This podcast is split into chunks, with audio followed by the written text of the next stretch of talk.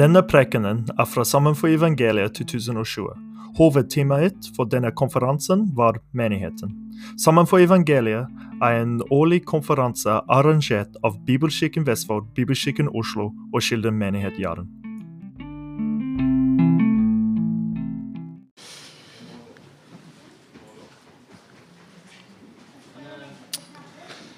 Veldig kjekt å se dere alle sammen. Eh, Jeg har fått eh, den ære å eh, forkynne ut fra altså med hovedvekt på Galaterbrevet. Der tittelen sto altså 'Loviskhet i Galatia'. Og når jeg husker jeg så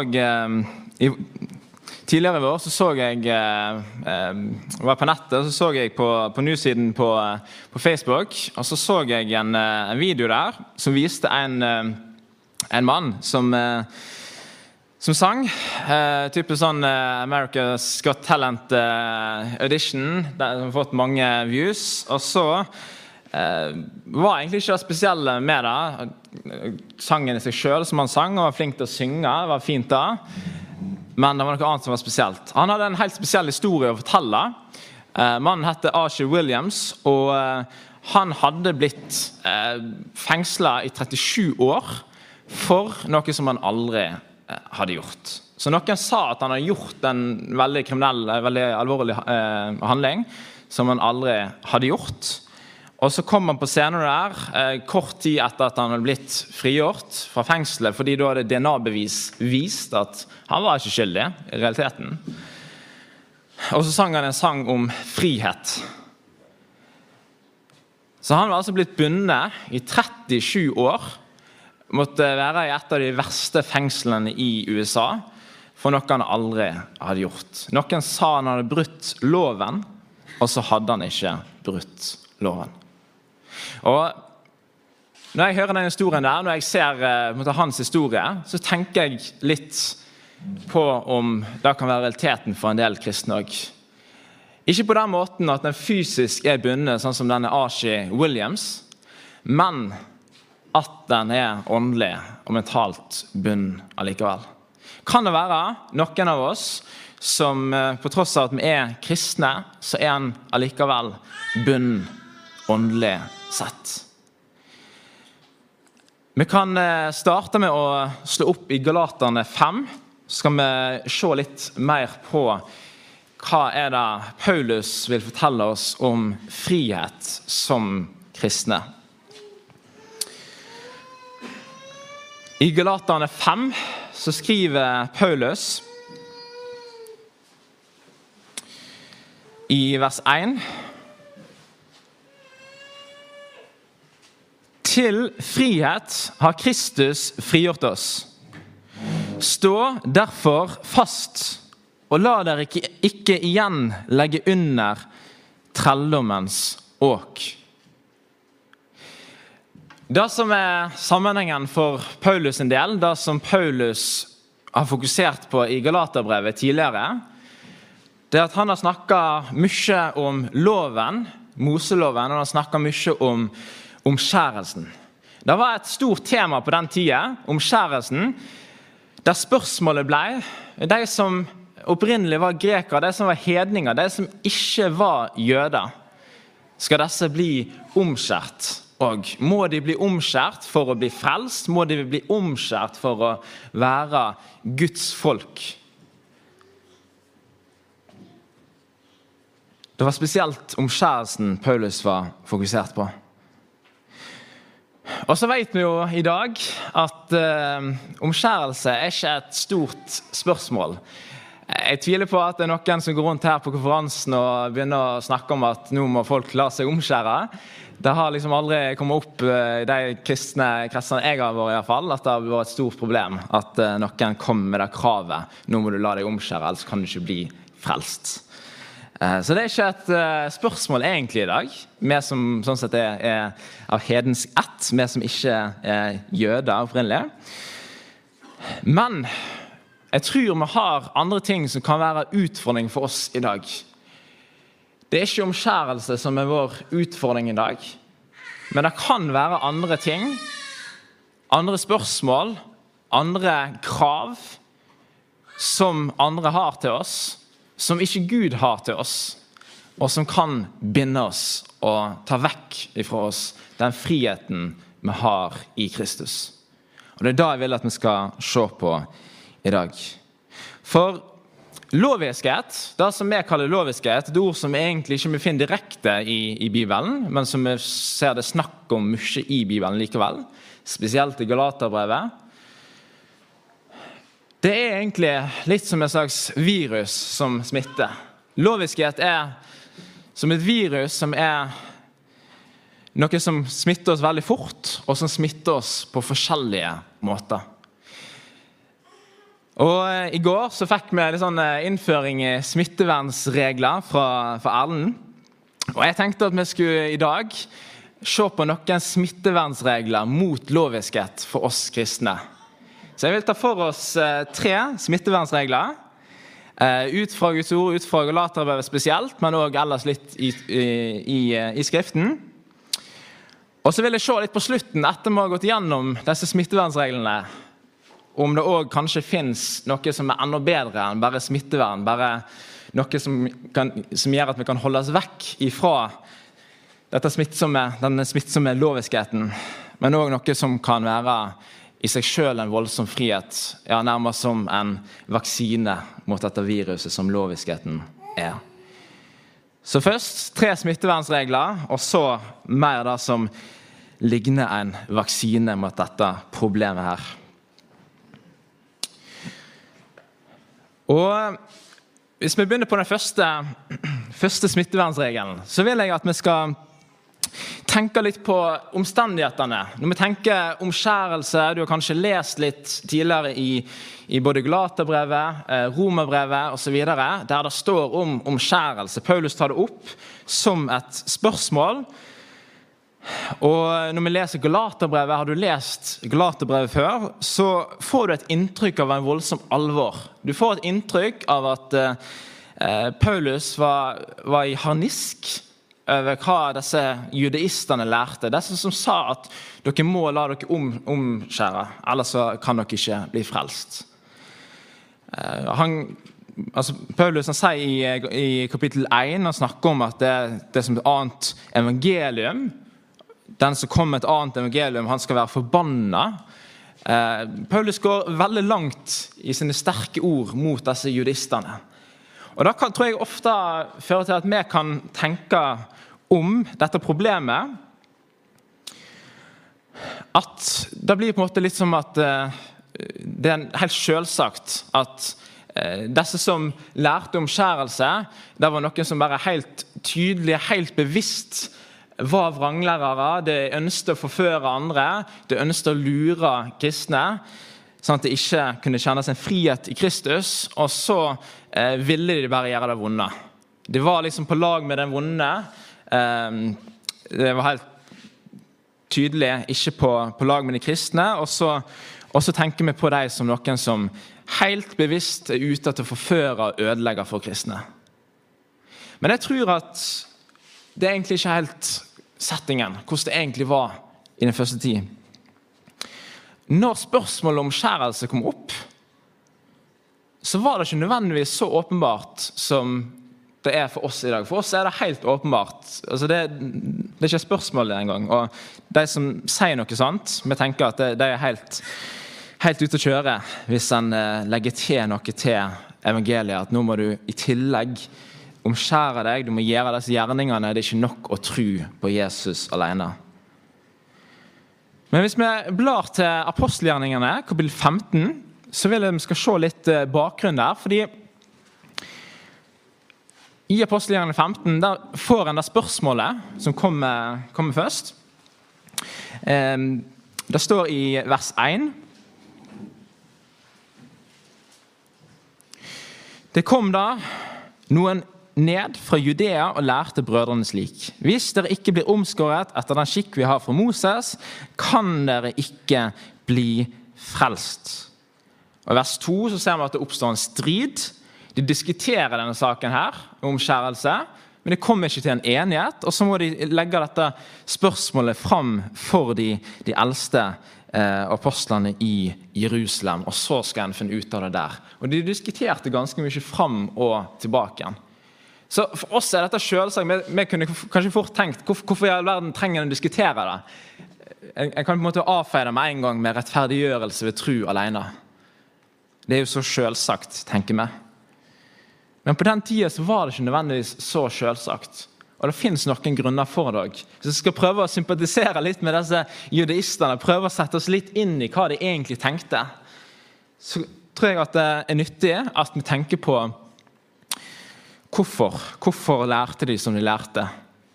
For mest sannsynlig var dette oppriktige folk som ønsket det aller beste. Dette var folk som ikke bevisst var ute etter ville det, men som bevisst ønsket å gjøre det som var Guds vilje. Det trodde de. Én ting som eh, ble brukt som et argument for hvorfor eh, en skulle la seg omskjære, som var ganske naturlig for, for eh, jøder på den tida, det er nettopp da at omskjærelse det var jo et tegn på Guds folk. Da hadde det vært et tegn på Guds folk, et ytre tegn på hvem som var en del av Guds paktsfolk i mange mange hundre år. Flere tusen år så hadde det vært et tegn på Guds folk. Og Så kommer mer spørsmål. ok, Hvis, hvis frelsen òg skal være for hedningene og Da var også et spørsmål opprinnelig er hedningene inkludert i dette. er det helt tatt? Og Hvis de er inkludert i Guds frelsesplan, hvis de òg kan bli en del av Guds folk, ja, da er det jo naturlig at det må la seg omskjære. Det må også få dette paktstegnet. Det er logikken her.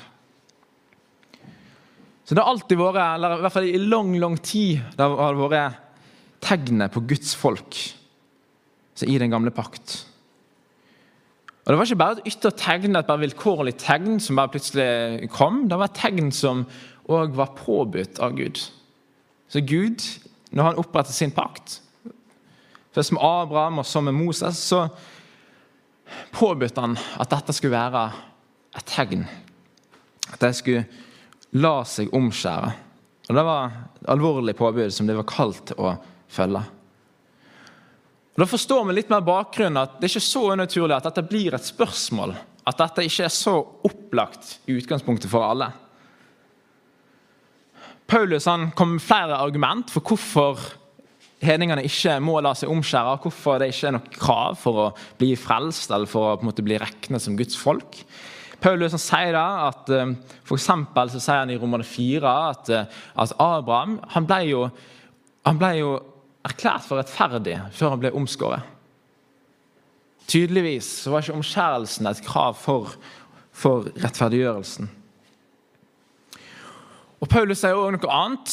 Sier for i Romane 2 òg, at eh, tingen med omskjærelsen, poenget med det, var ikke først og fremst å ytre. Det ytre var å være tegn der, men poenget var strengt tatt å være omskåret på hjertet. Det var det som var det egentlige poenget. Det er de som virkelig er Guds folk, de som er omskåret på hjertet. Ikke nødvendigvis i det ytre. Det fins folk til og med som er omskåret på det ytre, og som ikke er Guds rette folk. Så jeg vil bare at vi skal vite det i, i starten. Vi må tenke på første smittevernregel. At eh, loviskhet det er noe som kan komme ubevisst. Og loviskhet kan komme gjennom gode intensjoner. Så pass på for at gode intensjoner ikke smitter med loviskhet. For jeg tror det er ingen som har eh, opplevd det, at eh, det er noen som har eh, vært tydelig altså på en konferanse eller i en menighet som har sagt at ja, jeg er lovisk. Det er hvem jeg er. Jeg er mister lovisk. Ingen sier sånne ting som det. Det kommer ubevisst. Det som ting med lovisk etter, kommer ubevisst. Det kan komme med gode intensjoner. Det kan komme blant de som er virkelig oppriktige, som virkelig ønsker å følge Gud. Og jeg husker for min egen del eh, noe som, eh, altså, et eksempel på området der jeg var preget av loviskhet eh, tidligere. når jeg møtte Første gang jeg møtte han som jeg skulle plante Kilden menighet sammen med, Martin, som ikke er her i dag, men som, uh, som kommer Jeg husker jeg traff han på en konferanse i en uh, bokhandel. Og ble snakkende der om, om, bøker og Bibel og teologi og sånne ting. Og så nevner vel han etter hvert at jo, han, han hører på, på kristen rap og hiphop. Men en gang jeg hørte det, så kjente jeg en følelse i meg sjøl at dette her er ikke riktig, det er galt. Eh, det må være noe galt med denne fyren her, tenkte jeg. Så med en gang så kom det en sånn skepsis i meg. Med en gang jeg hørte det, at det var rapp, det var hiphop. Og så blande liksom da med kristen, kristen tru. Det kan ikke være noe reelt, det kan ikke være noe skikkelig. Det må være feil. Det var min holdning der, som vi ser allerede når jeg var smitta av den holdningen der, så er det ødeleggende. Det skaper en skepsis til andre kristne uten at jeg har grunn til det. Fordi jeg var så overbevist om at dette kan ikke være noe som Gud aksepterer. Og jeg tror at eh, loviskhet den viser seg på mange måter blant kristne i dag. Det kan vise seg på de områdene der, gjennom sang og musikk f.eks en har en tanke om at dette er den rette musikk, musikken fordi det, det, er det en liker sjøl, eller det en er vant til, kanskje.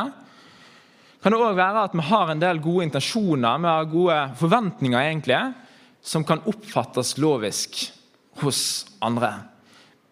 F.eks.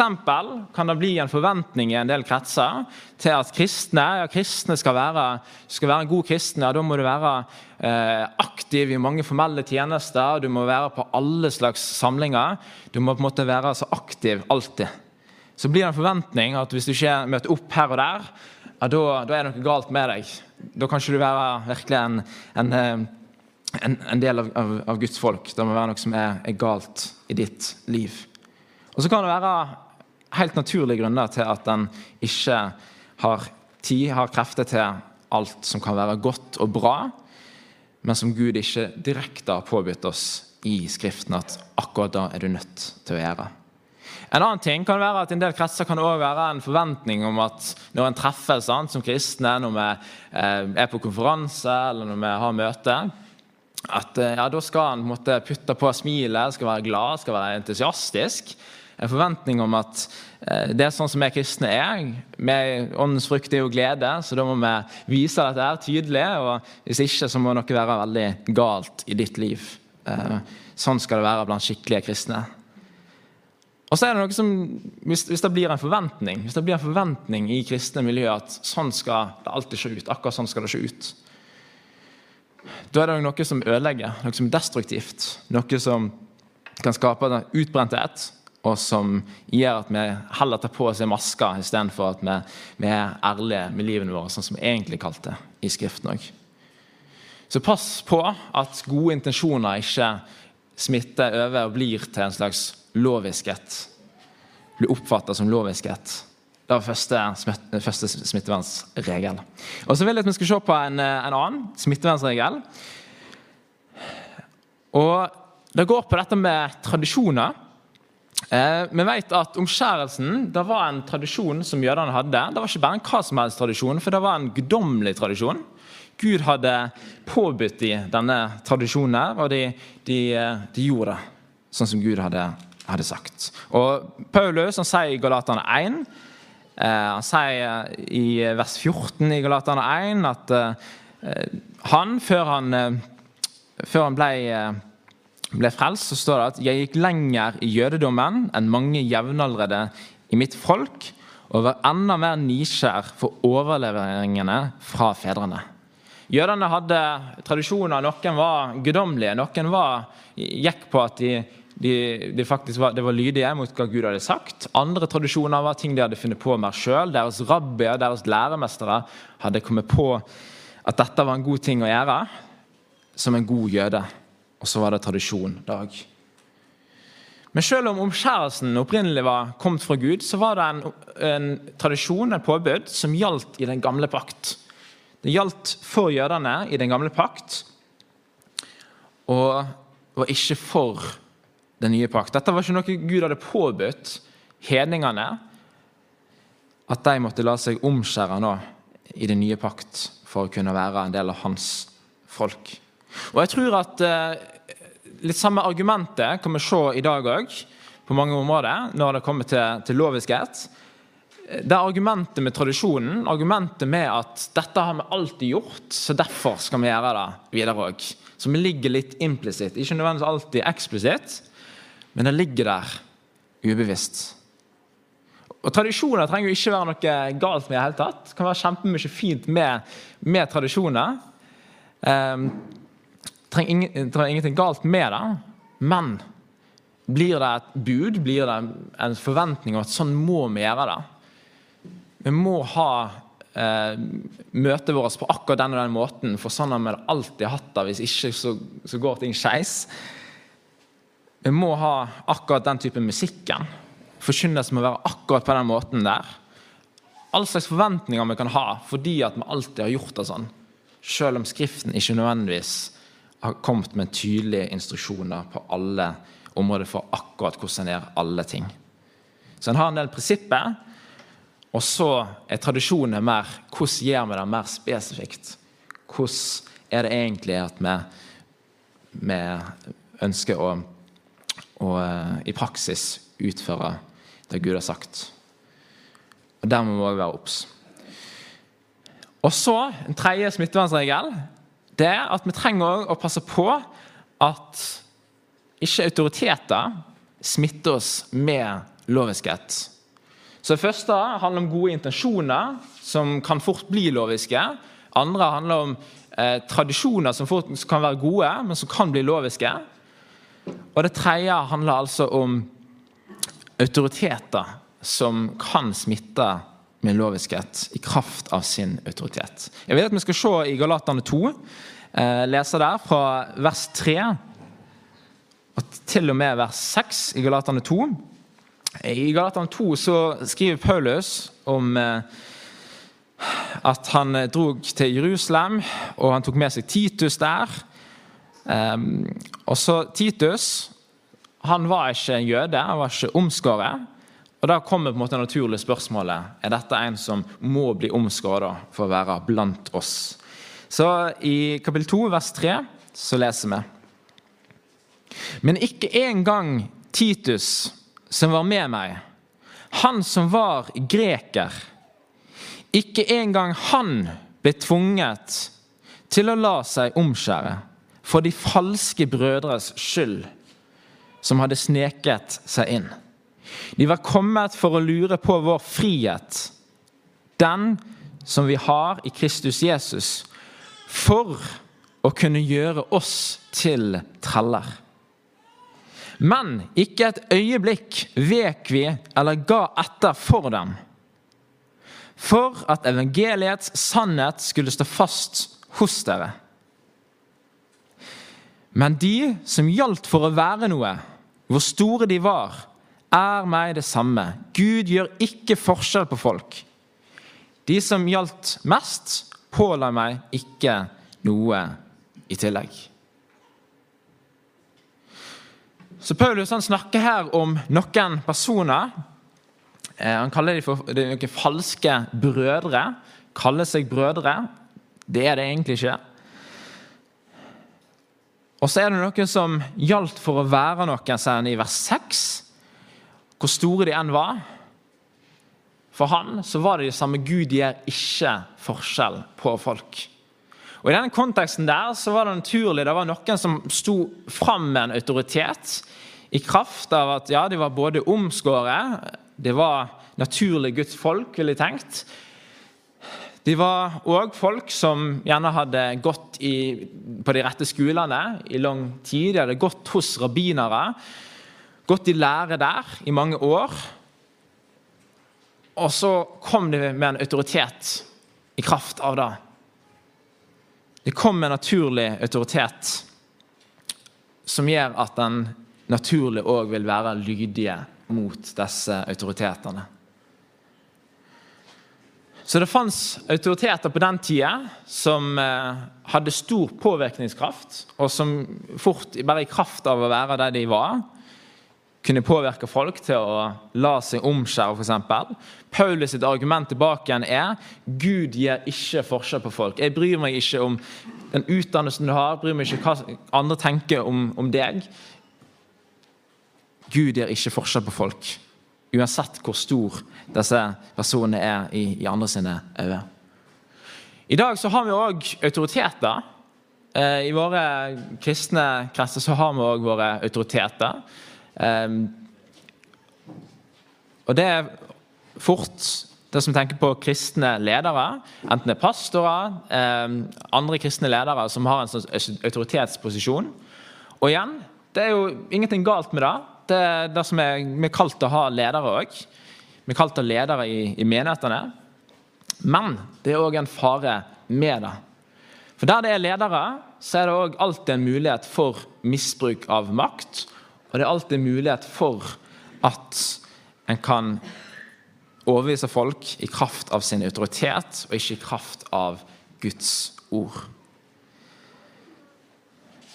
Og eh, det er gjort en del Det er interessant eh, at eh, autoritet, autoriteter det har en naturlig, en naturlig påvirkningskraft. Jeg, til vanlig så jeg, jeg lærer og underviser bl.a. I, i psykologi. Og Et av de mest kjente eksperimentene innenfor psykologien som er gjort, det går nettopp på det med autoriteter. Der en har eh, hatt en forsøksperson som har på en måte skal sitte der med spakene, og så skal han på en måte bestemme om noen andre skal få støt. Noen andre som bare er skuespillere, som sitter i et annet rom, som skal utføre noen oppgaver. Og så er det en annen mann en hvit frakk som sier at ja, hvis denne personen her svarer feil på et spørsmål, da skal du gi den andre personen som sitter i det andre rommet, et støt. Og så svarer personen i det, andre, i det andre, rommet, som bare er en skuespiller, men som denne forsøkspersonen som skal gi støt, tror en, en person som er, er med i forsøket sjøl. Han svarer jo av og til feil. Og da ber denne autoritetspersonen i hvit frakk denne forsøkspersonen om å gi den eh, personen støt. Trykker på knappen, gir støt ved feil svar. Og Sånn fortsetter det. Så gir en feil svar flere ganger. Og så går det opp i kraft, opp i styrke, opp i volt. Og så er spørsmålet vil denne forsøkspersonen bare fortsette å gi sterkere og sterkere støt etter hvert som den personen tar feil i, i sin oppgave. Hvis denne autoritetspersonen som står der med sin hvite frakk, er en forsker, sier at nå må du trykke på knappen og gi den personen støt. Og så står det 100 volt, 200 volt, 300 volt. Og de aller fleste fortsetter, fortsetter. Så stopper de kanskje opp av og til. Og så sier de jeg vet ikke om det er riktig, for de hører noe skriking i det andre rommet. De hører at det er en person som har det vondt. Men denne autoritetspersonen i sin hvite frakk han står der og sier du må fortsette. Forsøket krever at du fortsetter. Og de fleste fortsetter. Selv om du hører at den andre personen har det grusomt i det andre rommet. Det er liksom kraften i autoritet til hører på én person som står med en hvit frakk, som er en forsker, da må du gjøre det. Uansett om alt annet forteller deg at det er egentlig helt galt, det de holder på med. Så vi blir veldig prega av autoriteter. Enten de står i hvite frakker, enten de har en pastortittel, eller hva de har. Autoriteter gjør noe med oss, de som er ledere på forskjellige måter. Og igjen, ingenting galt med autoriteter etter Guds ord. Vi er kalt til å ha det, vi er kalt til å ha kristne ledere. Men vi må òg passe oss, sånn at vi ikke bare følger noen personer fordi at disse har en karisma med seg, eller disse kan veldig mye. Og så følger vi egentlig ikke Bibelen. Så er vi egentlig mer noen som bare lydig følger andre personer, og ikke Guds ord. Det er noe som vi tror kan skje. Vi har sikkert alle noen som vi ser opp til. Eh, enten det er folk som vi treffer i person, eller folk vi hører på på nettet.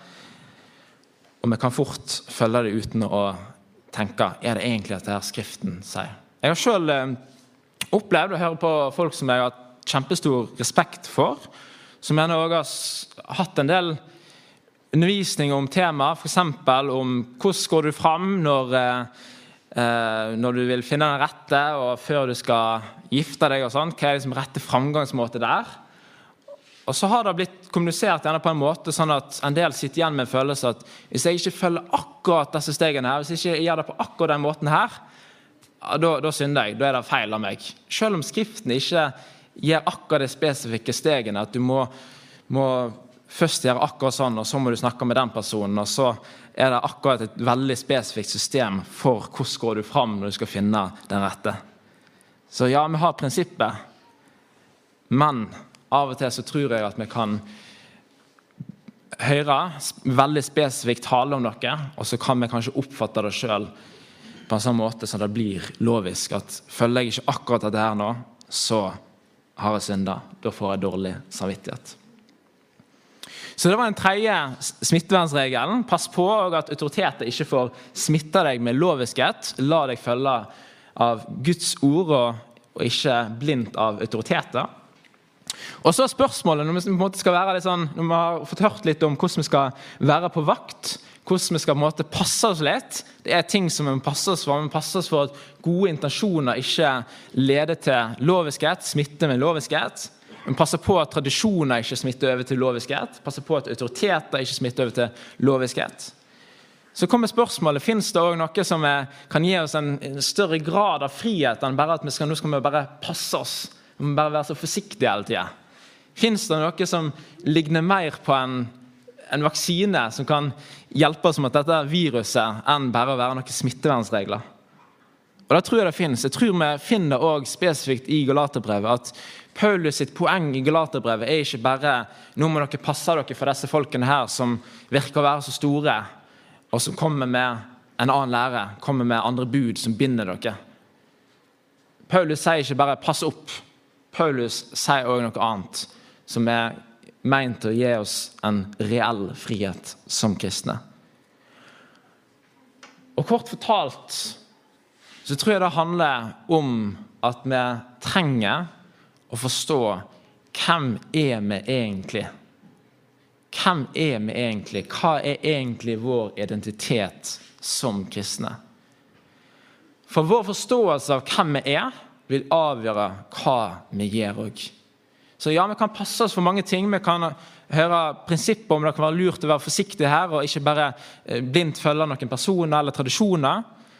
Men vi trenger å forstå hvem vi er som nye skapninger. Og da vil det òg prege livet vårt.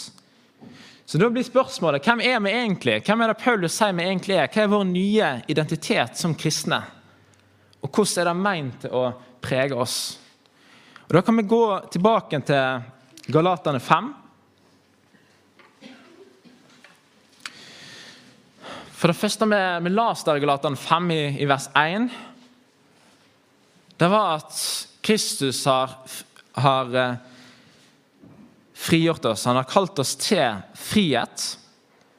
Og vers 13 blir det gjentatt, for dere blir kalt til frihet frihet, brødre, sier han. Så med andre ord, vi er noen som er frie. Han snakker andre plasser om, sant? I Galaterne 2 så, så vi at det var noen som var kommet for å prøve å lure på vår frihet, for å gjøre oss til treller, til slaver. Altså, den vi egentlig er som kristne, det er vi er frie. Vi er ikke kalt til å binde. I eh, Apostelgjengen 15, som vi leste tidligere, så står det òg eh, noe om det. Når de kommer liksom litt mer nærmere en konklusjon på dette omskjærelsesspørsmålet, så blir det sagt i vers 10 i Apostelgjengen 15 Vi kan ta med vers 9 òg. Han gjorde ingen forskjell på oss og dem, for ved troen renset han også deres hjerter. Hvorfor frister dere da Gud og legger et åk på disiplenes nakke, som verken våre fedre eller vi var i stand til å bære? Så en er fri fra dette åket som disse tidligere ikke var i stand til å bære. En er fri fra loven, en er fri fra kravet om omskjærelse, sånn at vi ikke er kalt til å la oss omskjære. En er fri fra det. Det er ikke noe som binder oss i dag som kristne. Og Så spør vi kanskje også litt videre, da, for å gå litt mer til bunns hva betyr det egentlig å være fri. Altså, Vi snakker mye om frihet i dag, vi snakker mye om frihet i vår kultur. Eh, det er populært å snakke om frihet. Alle vil være fri. Og som kristne vi er fri. ok, Hva betyr det? Og Da kan vi se videre i, i Galaterne 5, eh, videre i vers 13. For Der sier han først For dere ble kalt til frihet, brødre. Og så fortsetter han. La bare ikke friheten bli et påskudd for kjødet, men tjen hverandre i kjærlighet. Sånn at når mange tenker frihet i dag, og mange kan også bruke sånne vers som dette her, med frihet, og misbruke det til å bety at ja, vi er fri, vi trenger ikke gjøre noen ting. Det er på en måte ingenting som binder oss i det hele tatt. Som kristen så fins det egentlig ingen, ingen regler. Vi lever i nåden, vi er frie. Vi må ikke bli loviske. Prega av kulturen, sant? der kulturen òg legger vekt på frihet som, som om frihet betyr fravær fra alle restriksjoner. Som at det bare handler om å være tru til deg sjøl, bare handler om å følge dine egne følelser. Hva du sjøl har lyst til. At da skal være frihet. Men frihet det er ikke fraværet av restriksjoner.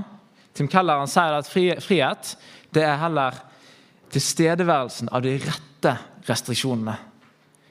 Det at vi er frie som kristne, betyr ikke at det ikke finnes noen ting som er kaldt å gjøre som kristne i vår vandring. Men det betyr at vi har fått noen restriksjoner som er gode for oss, som Gud har kalt oss til. Noe som er godt for oss å følge. Så ja, vi er fri fra mange ting i dag òg. Er fri fra andres forventninger. I dag så kan mange ha forventninger til deg om hvordan du bør oppføre deg, hva du bør si, hva, du, hva valg du bør ta. Det er òg ting som vi er fri for i dag. Det er ikke noen som må binde oss, så langt det ikke er til Gud. Vi er òg fri fra tradisjoner og autoriteter så lenge det ikke er i tråd med Guds ord. Så Det er tingene vi er fri fra, og som er fri til å tjene, som Paulus sier i Galatane 5, 13. Det er friheten. Friheten å tjene i kjærlighet. Så det er ett aspekt med vår identitet. Vi er frie. Og så vil jeg at vi skal se på et siste og andre aspekt med hvem er vi egentlig som kristne, som Paulus også tar opp i Galaterbrevet. Og det er at Som kristen så er du òg et Guds barn. Det er òg en del av din identitet. Du er fri, for det første, og så er du Guds barn. Vi kan lese i Galaterne 4, der Paulus sier noe om det. Det virker som han har et behov for å understreke identiteten til de kristne. Galaterne 4, vers 4 og fram til og med til vers 7. Men da tidens fylde kom, utsendte Gud sin sønn, født av en kvinne, født under loven, for at han skulle kjøpe henne fri som var under loven, så vi skulle få barnekår. Og fordi dere er sønner, har Gud sendt sin sønns ånd inn i våre hjerter, som roper 'Abba, far' så er du da ikke lenger trell, men sønn. Men er du sønn, da er du også arving, innsatt av Gud. Så vi er sønner, er døtre av Gud. Vi har fått barnekår pga. Jesu verk på korset. Og Vi ser at det har noe å si for, eh, for vår holdning. I vers 6 så står, blir det sagt at vi, vi, har fått en ånd inni vårt hjerte som roper 'Abba, far'. Vi roper til vår egen far. Han, vi kan kalle han for vår far. Vi har et farsforhold til vår Gud. Han er ikke bare en Gud som er langt vekke, men han er virkelig vår far. Vi er blitt en del av Guds familie. Og I vers 9 i kapittel 4 så blir det sagt at vi er, de som, vi er de som kjenner Gud, og som er kjent av Gud. Vi har en sånn kjennskap til Gud pga. den relasjonen vi er, nå er kommet inn i. Og Det får noen konsekvenser, disse ordene som Paulus her skriver om hvem vi nå er. Det er ikke bare fine, fine ord, fine titler, at du er sønn, du er arving, altså fint, du har barnekår. Høres ut som en, en flott teologi da. Nei, Det er noe som får praktiske konsekvenser for livet vårt òg. For hvis det er sant at vi er Guds barn, at vi kjenner Gud, da blir det også ganske meningsløst for oss å følge andre mennesker som om de var vår Gud. Som om de var de som ga regler for akkurat sånn skal du leve. Du bør oppfylle mine forventninger nå. Sånn og sånn er det rett å gjøre. Og Paulus han setter sjøl et slags eksempel, som han skriver om òg i, eh, i Galaterbrevet.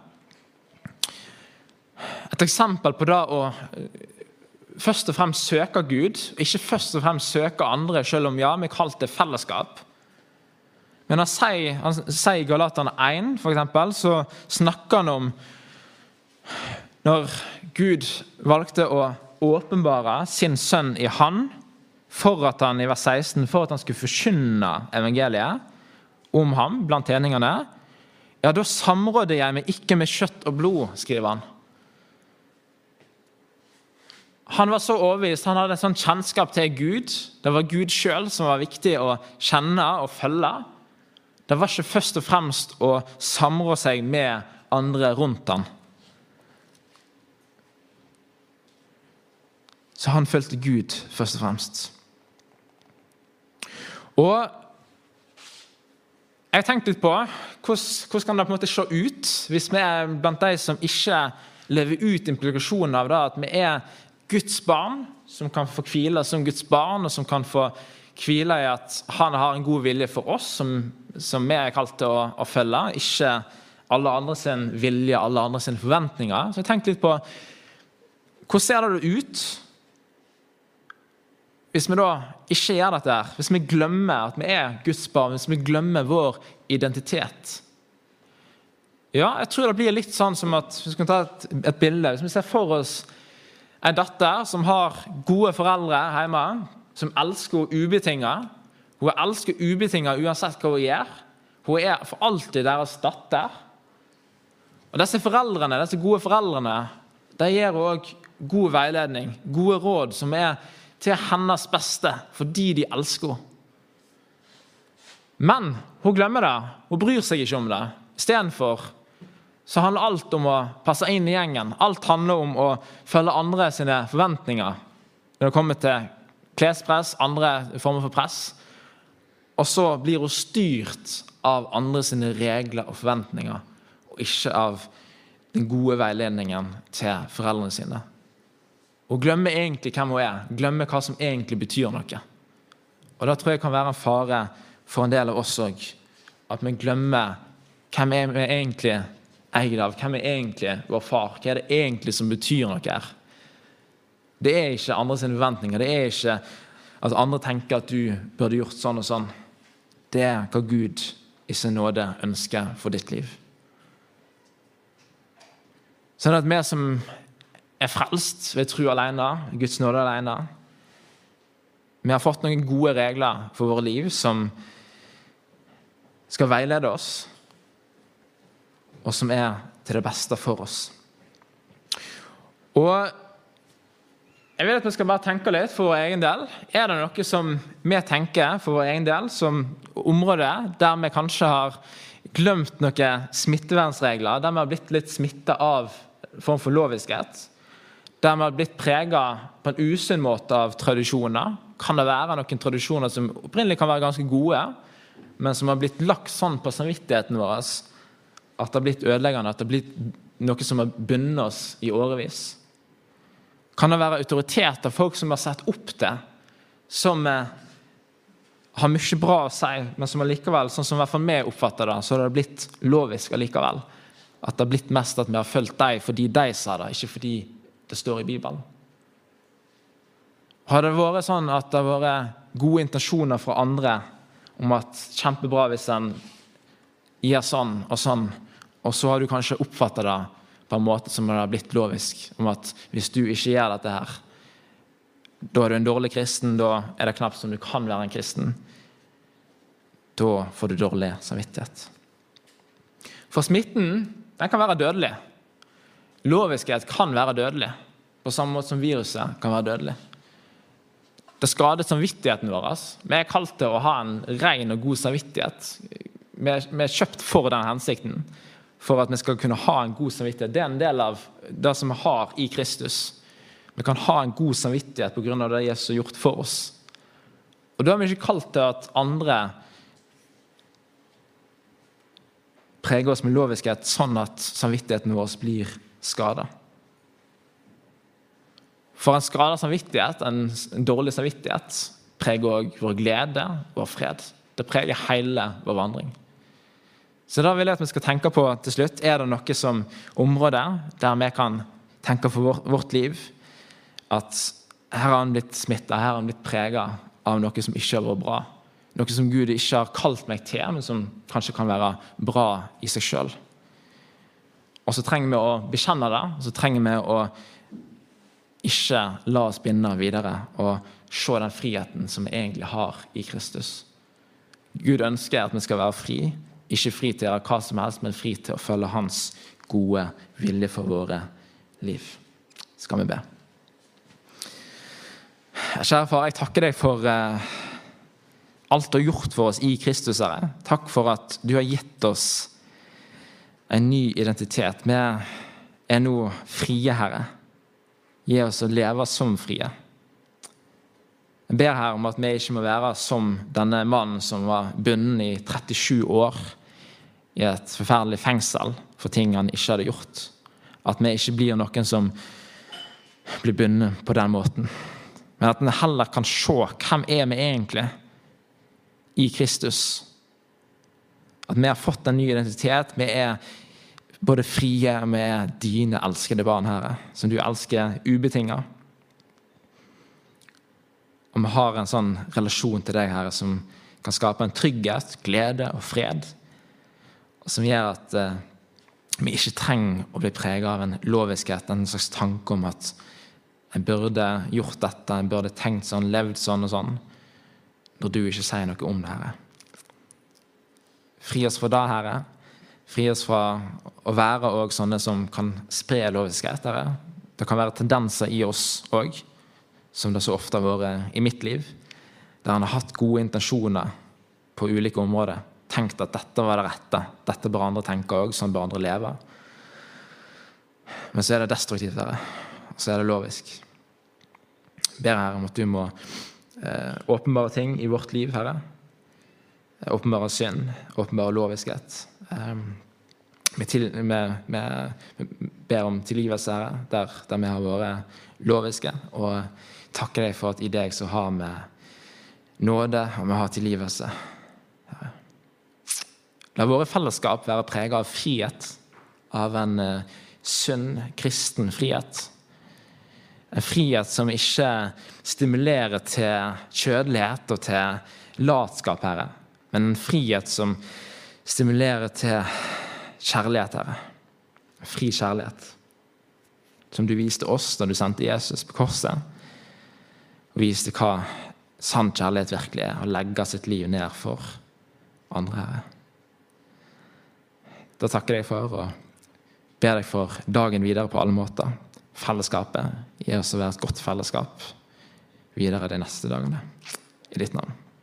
Amen.